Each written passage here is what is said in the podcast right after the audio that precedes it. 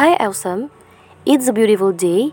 My Allah always take care of you every step of the way and you are special. Assalamualaikum warahmatullahi wabarakatuh. Halo teman-teman semua, makasih banyak yang udah mau balik ke sini lagi untuk dengerin podcast ini. Kita mau bahas tentang ujian perasaan. Loh, kok perasaan? Iya, uh, ada yang pernah dengar nggak istilah kalau misalnya perasaan itu bisa menjadi sebuah ujian terberat bagi seorang manusia?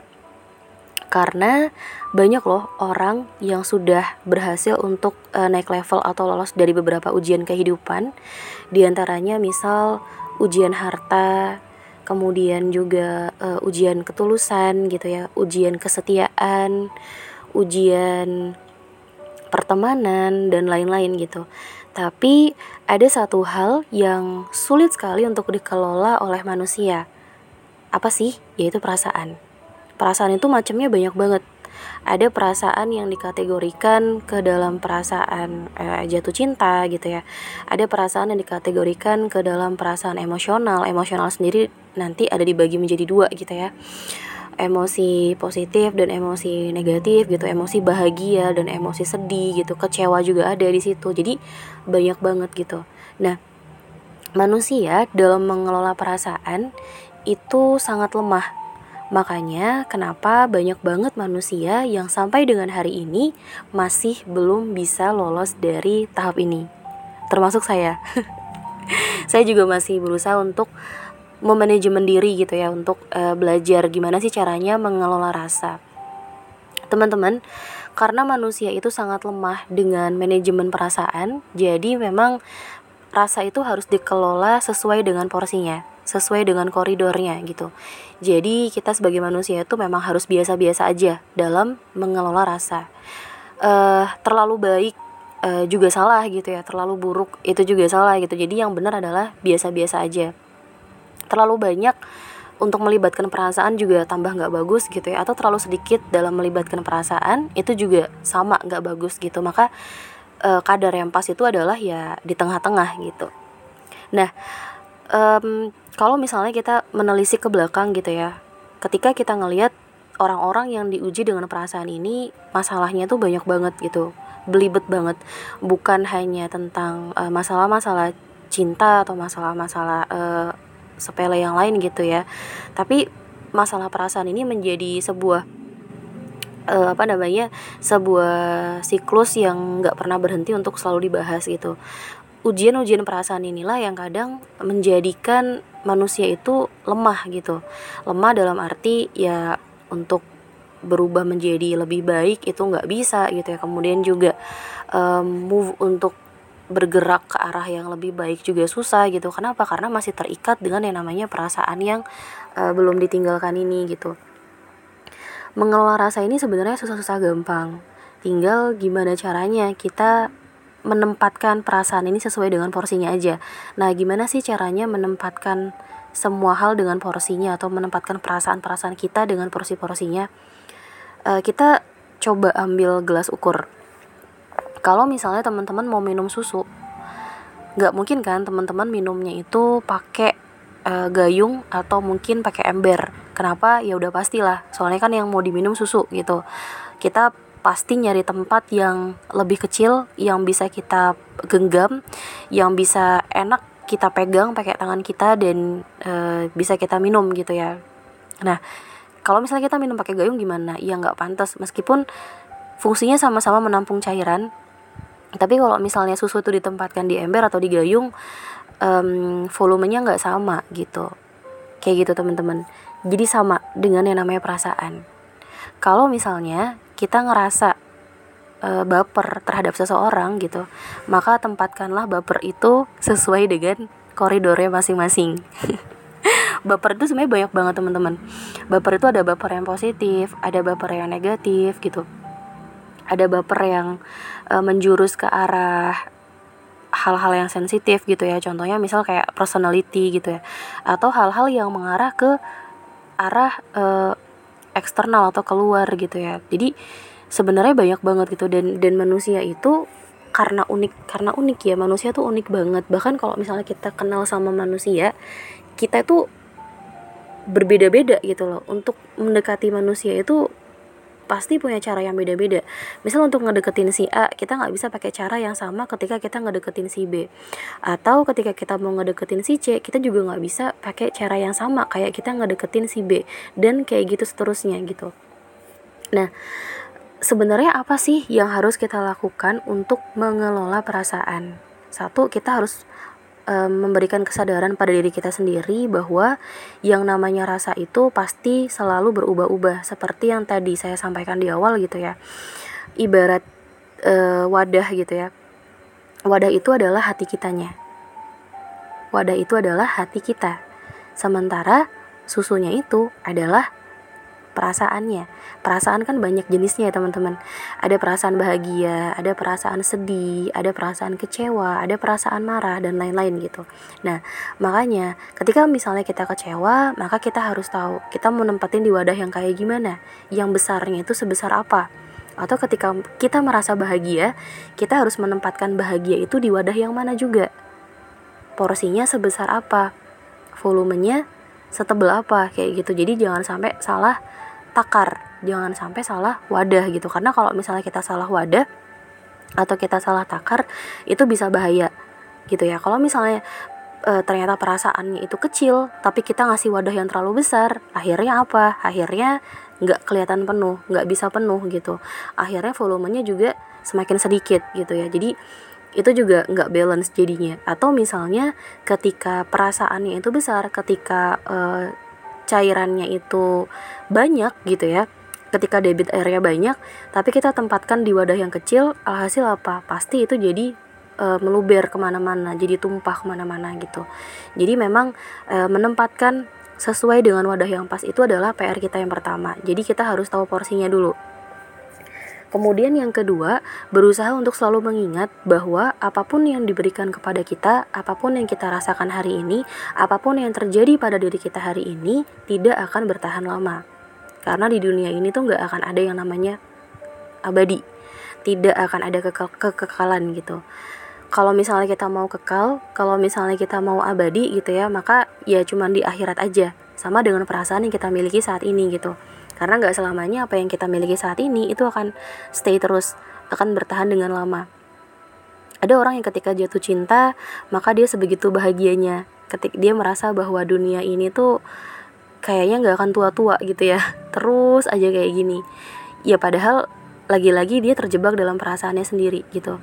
Akhirnya ketika perasaan itu sudah habis ketika cinta itu sudah kadaluarsa ketika uh, misalnya salah satu dari uh, mereka ada yang dipanggil oleh Allah duluan gitu misalnya gitu. Mereka tidak saling memiliki lagi mereka udah nggak saling terkoneksi lagi salah satu pasti kecewa gitu. Makanya rasa kepemilikan terhadap uh, orang lain gitu ya rasa kepemilikan terhadap hal-hal yang kita punya saat ini itu juga harus dibatasi. Kita harus sadar banget bahwa apa pun yang kita punya sekarang itu adalah pemberian dari Allah. Maka suatu ketika kalau misalnya Allah mau ngambil ya kita harus belajar untuk ikhlas gitu teman-teman. Jadi susah sih memang kalau misalnya kita belajar untuk mengelola rasa karena lagi-lagi aku sampaikan bahwa ya masih belajar juga dalam proses ini gitu tapi belajar kan bukan berarti uh, putus gitu aja dan stuck gitu ya belajar berarti kan terus um, scale up diri untuk bisa lebih baik lagi dan harapannya teman-teman juga melakukan hal yang sama. Kenapa sih kita harus mengelola rasa dengan baik? Karena yang namanya kehilangan ekspektasi itu nggak enak banget gitu ya. Karena ketika kita dikecewakan itu juga nggak enak banget. Udah tahu kan gimana sakitnya ketika kita dikecewakan sama seseorang udah tahu kan ketika kita mungkin terluka karena hal-hal yang tidak bisa kita capai.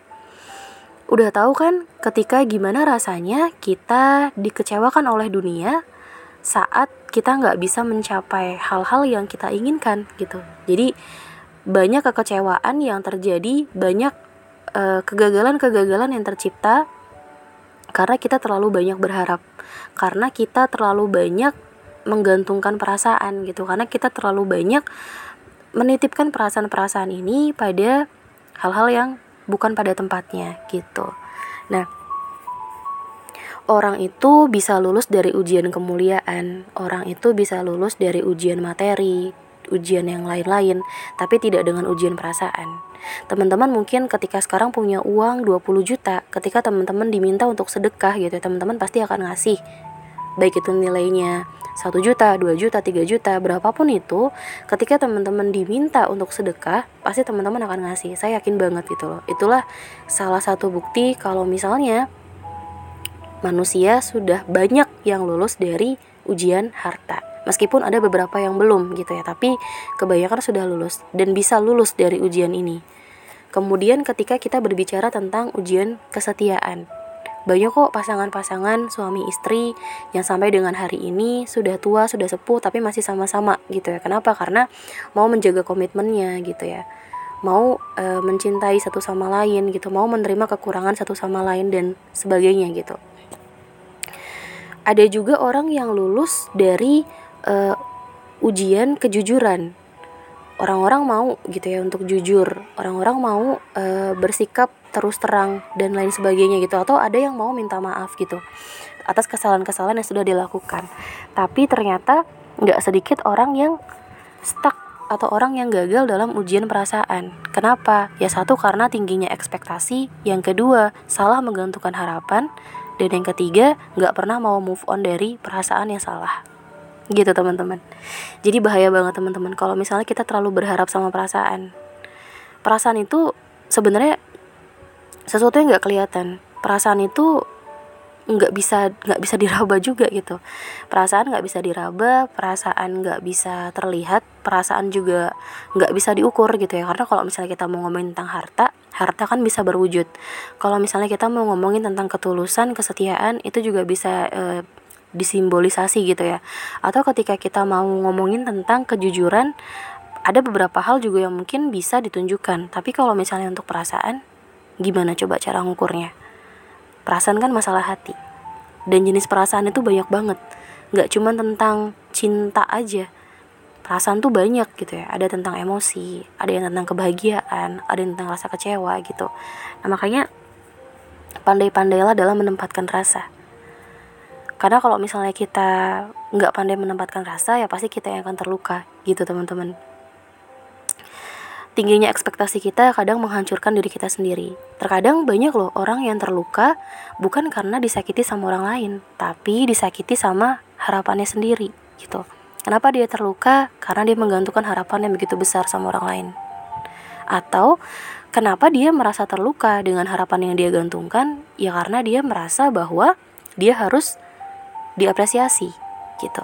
Teman-teman, percaya atau enggak, dalam satu kondisi pasti kalian pernah ngalamin yang namanya iri gitu. Iri tuh e, bukan dalam arti konotasi negatif gitu ya. Jadi tapi misalnya kayak e, wah pengen banget nih jadi si dia.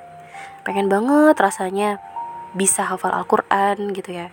Bisa hafal juz ini juz itu. Pengen banget deh rasanya tiap tiap tahun bisa umroh gitu misalnya. Misalnya gitu ya.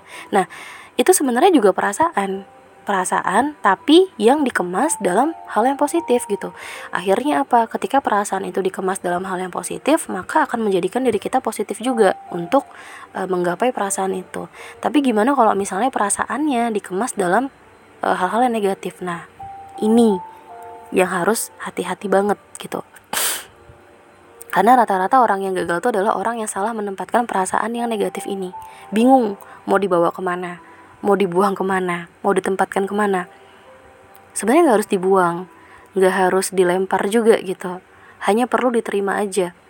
Percaya nggak? Kalau misalnya masalah itu kadang terjadi di hidup kita bukan menuntut untuk diselesaikan kok tapi untuk cukup diterima dan dirangkul aja gitu loh.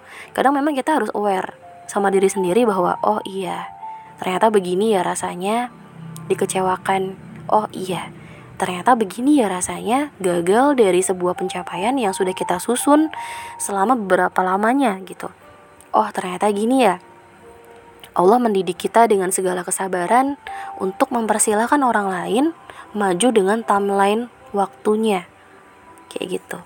Jadi memang gak selamanya perasaan kita itu harus didahulukan, gak selamanya perasaan kita itu harus memenuhi semua ekspektasi yang ada dalam kepala kita kadang kecewa itu perlu gitu. Supaya apa? Supaya kita belajar. Oh ternyata salah loh ketika kita berharap kayak gini. Oh ternyata waktunya belum pas kalau misalnya kita mau begini-begini gitu. Jadi manajemen perasaan itu harus dibangun sejak awal. Manajemen perasaan juga harus tercipta dari sekarang teman-teman.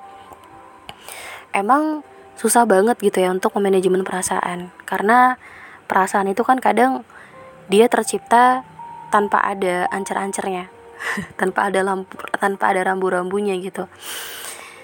Kadang mungkin kita nggak sadar gitu ya untuk e, merasa sensitif merasa marah merasa baper dan lain-lain gitu ya. Dalam satu kondisi atau mungkin ada suara kita kayak tinggi gitu ketika ngomong sama orang lain dan orang mungkin baper sama kita. Tapi kita nggak ngeh di situ gitu. Nah kayak gitu. Jadi jadi perasaan-perasaan yang memang harus kita timbulkan kayak sensitivitas. Tapi sensitivitas dalam arti yang yang sewajarnya gitu ya. Karena kalau misalnya kita terlalu sensitif juga agak mengganggu orang lain gitu. Jadi kayak gitu teman-teman. Memang ya yang namanya perasaan itu harus dikelola di tengah-tengah. Nggak bisa terlalu banyak atau nggak bisa terlalu sedikit.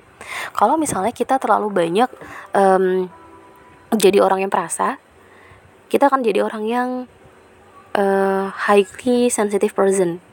Orang yang sensitivitasnya tuh luar biasa dan itu tuh nggak enak banget. Apa-apa kebawa perasaan apa-apa kebawa pikiran overthinking nggak ada habisnya kayak gitu. Akhirnya apa? Hal-hal yang harus kita lakukan secara produktif akhirnya malah mundur. Ingat itu juga harus hati-hati. Atau di satu sisi kita jadi orang yang nggak punya perasaan sama sekali. Di satu sisi kita menjadi orang yang uh, mengesampingkan perasaan. Kita menjadi orang yang bodoh amat terhadap segala sesuatu. Ini juga nggak bagus. Kenapa? Karena kita nggak punya respect terhadap orang lain. Kita nggak bisa mengapresiasi orang lain gitu. Ini juga nggak boleh teman-teman. Karena gimana pun kita itu hidup dengan orang lain. Kita hidup secara sosial gitu. Dan Allah juga e, memerintahkan kita untuk tidak menyakiti satu sama lain gitu. Terkadang ketika kita bodoh amat, ketika kita e, merasa nggak peduli sama orang gitu ya, secara nggak langsung mungkin orang itu sakit hati sama kita dan akhirnya apa mendoakan kita yang buruk-buruk kayak gitu ini juga harus dijaga.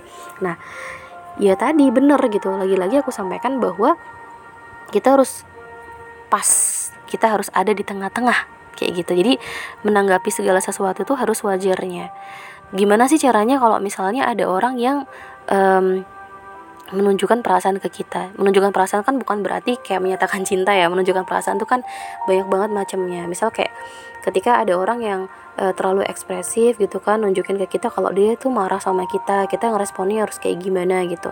Ya kita harus terima dulu pertama gitu kan. Atau mungkin ketika ada orang yang merasa dia kecewa sama kita kita responnya juga harus kayak gimana. Atau ketika ada orang yang mungkin menunjukkan bahwa dia tuh seneng sama kita merasa bahagia gitu itu responnya juga harus kayak gimana gitu. Kita harus menempatkan itu yang pertama adalah satu terima apa pun e, bentuk perasaannya, diterima dulu gitu ya. Kemudian yang kedua adalah e, berikan respon terbaik. Respon terbaik itu adalah dengan menanggapi apa yang e, dia tunjukkan gitu. Yang ketiga e, sampaikan terima kasih gitu. Jadi kalau misalnya dia marah sama kita, dia kritik kita, ya udah nggak apa-apa, diterima, direspon dan juga sampaikan terima kasih gitu. Jadi um, simple sih ya untuk memanajemen perasaan sebenarnya. Manajemen perasaan itu bisa dilakukan dengan cara memanajemen diri sendiri dulu gitu. Sebelum kita manajemen orang lain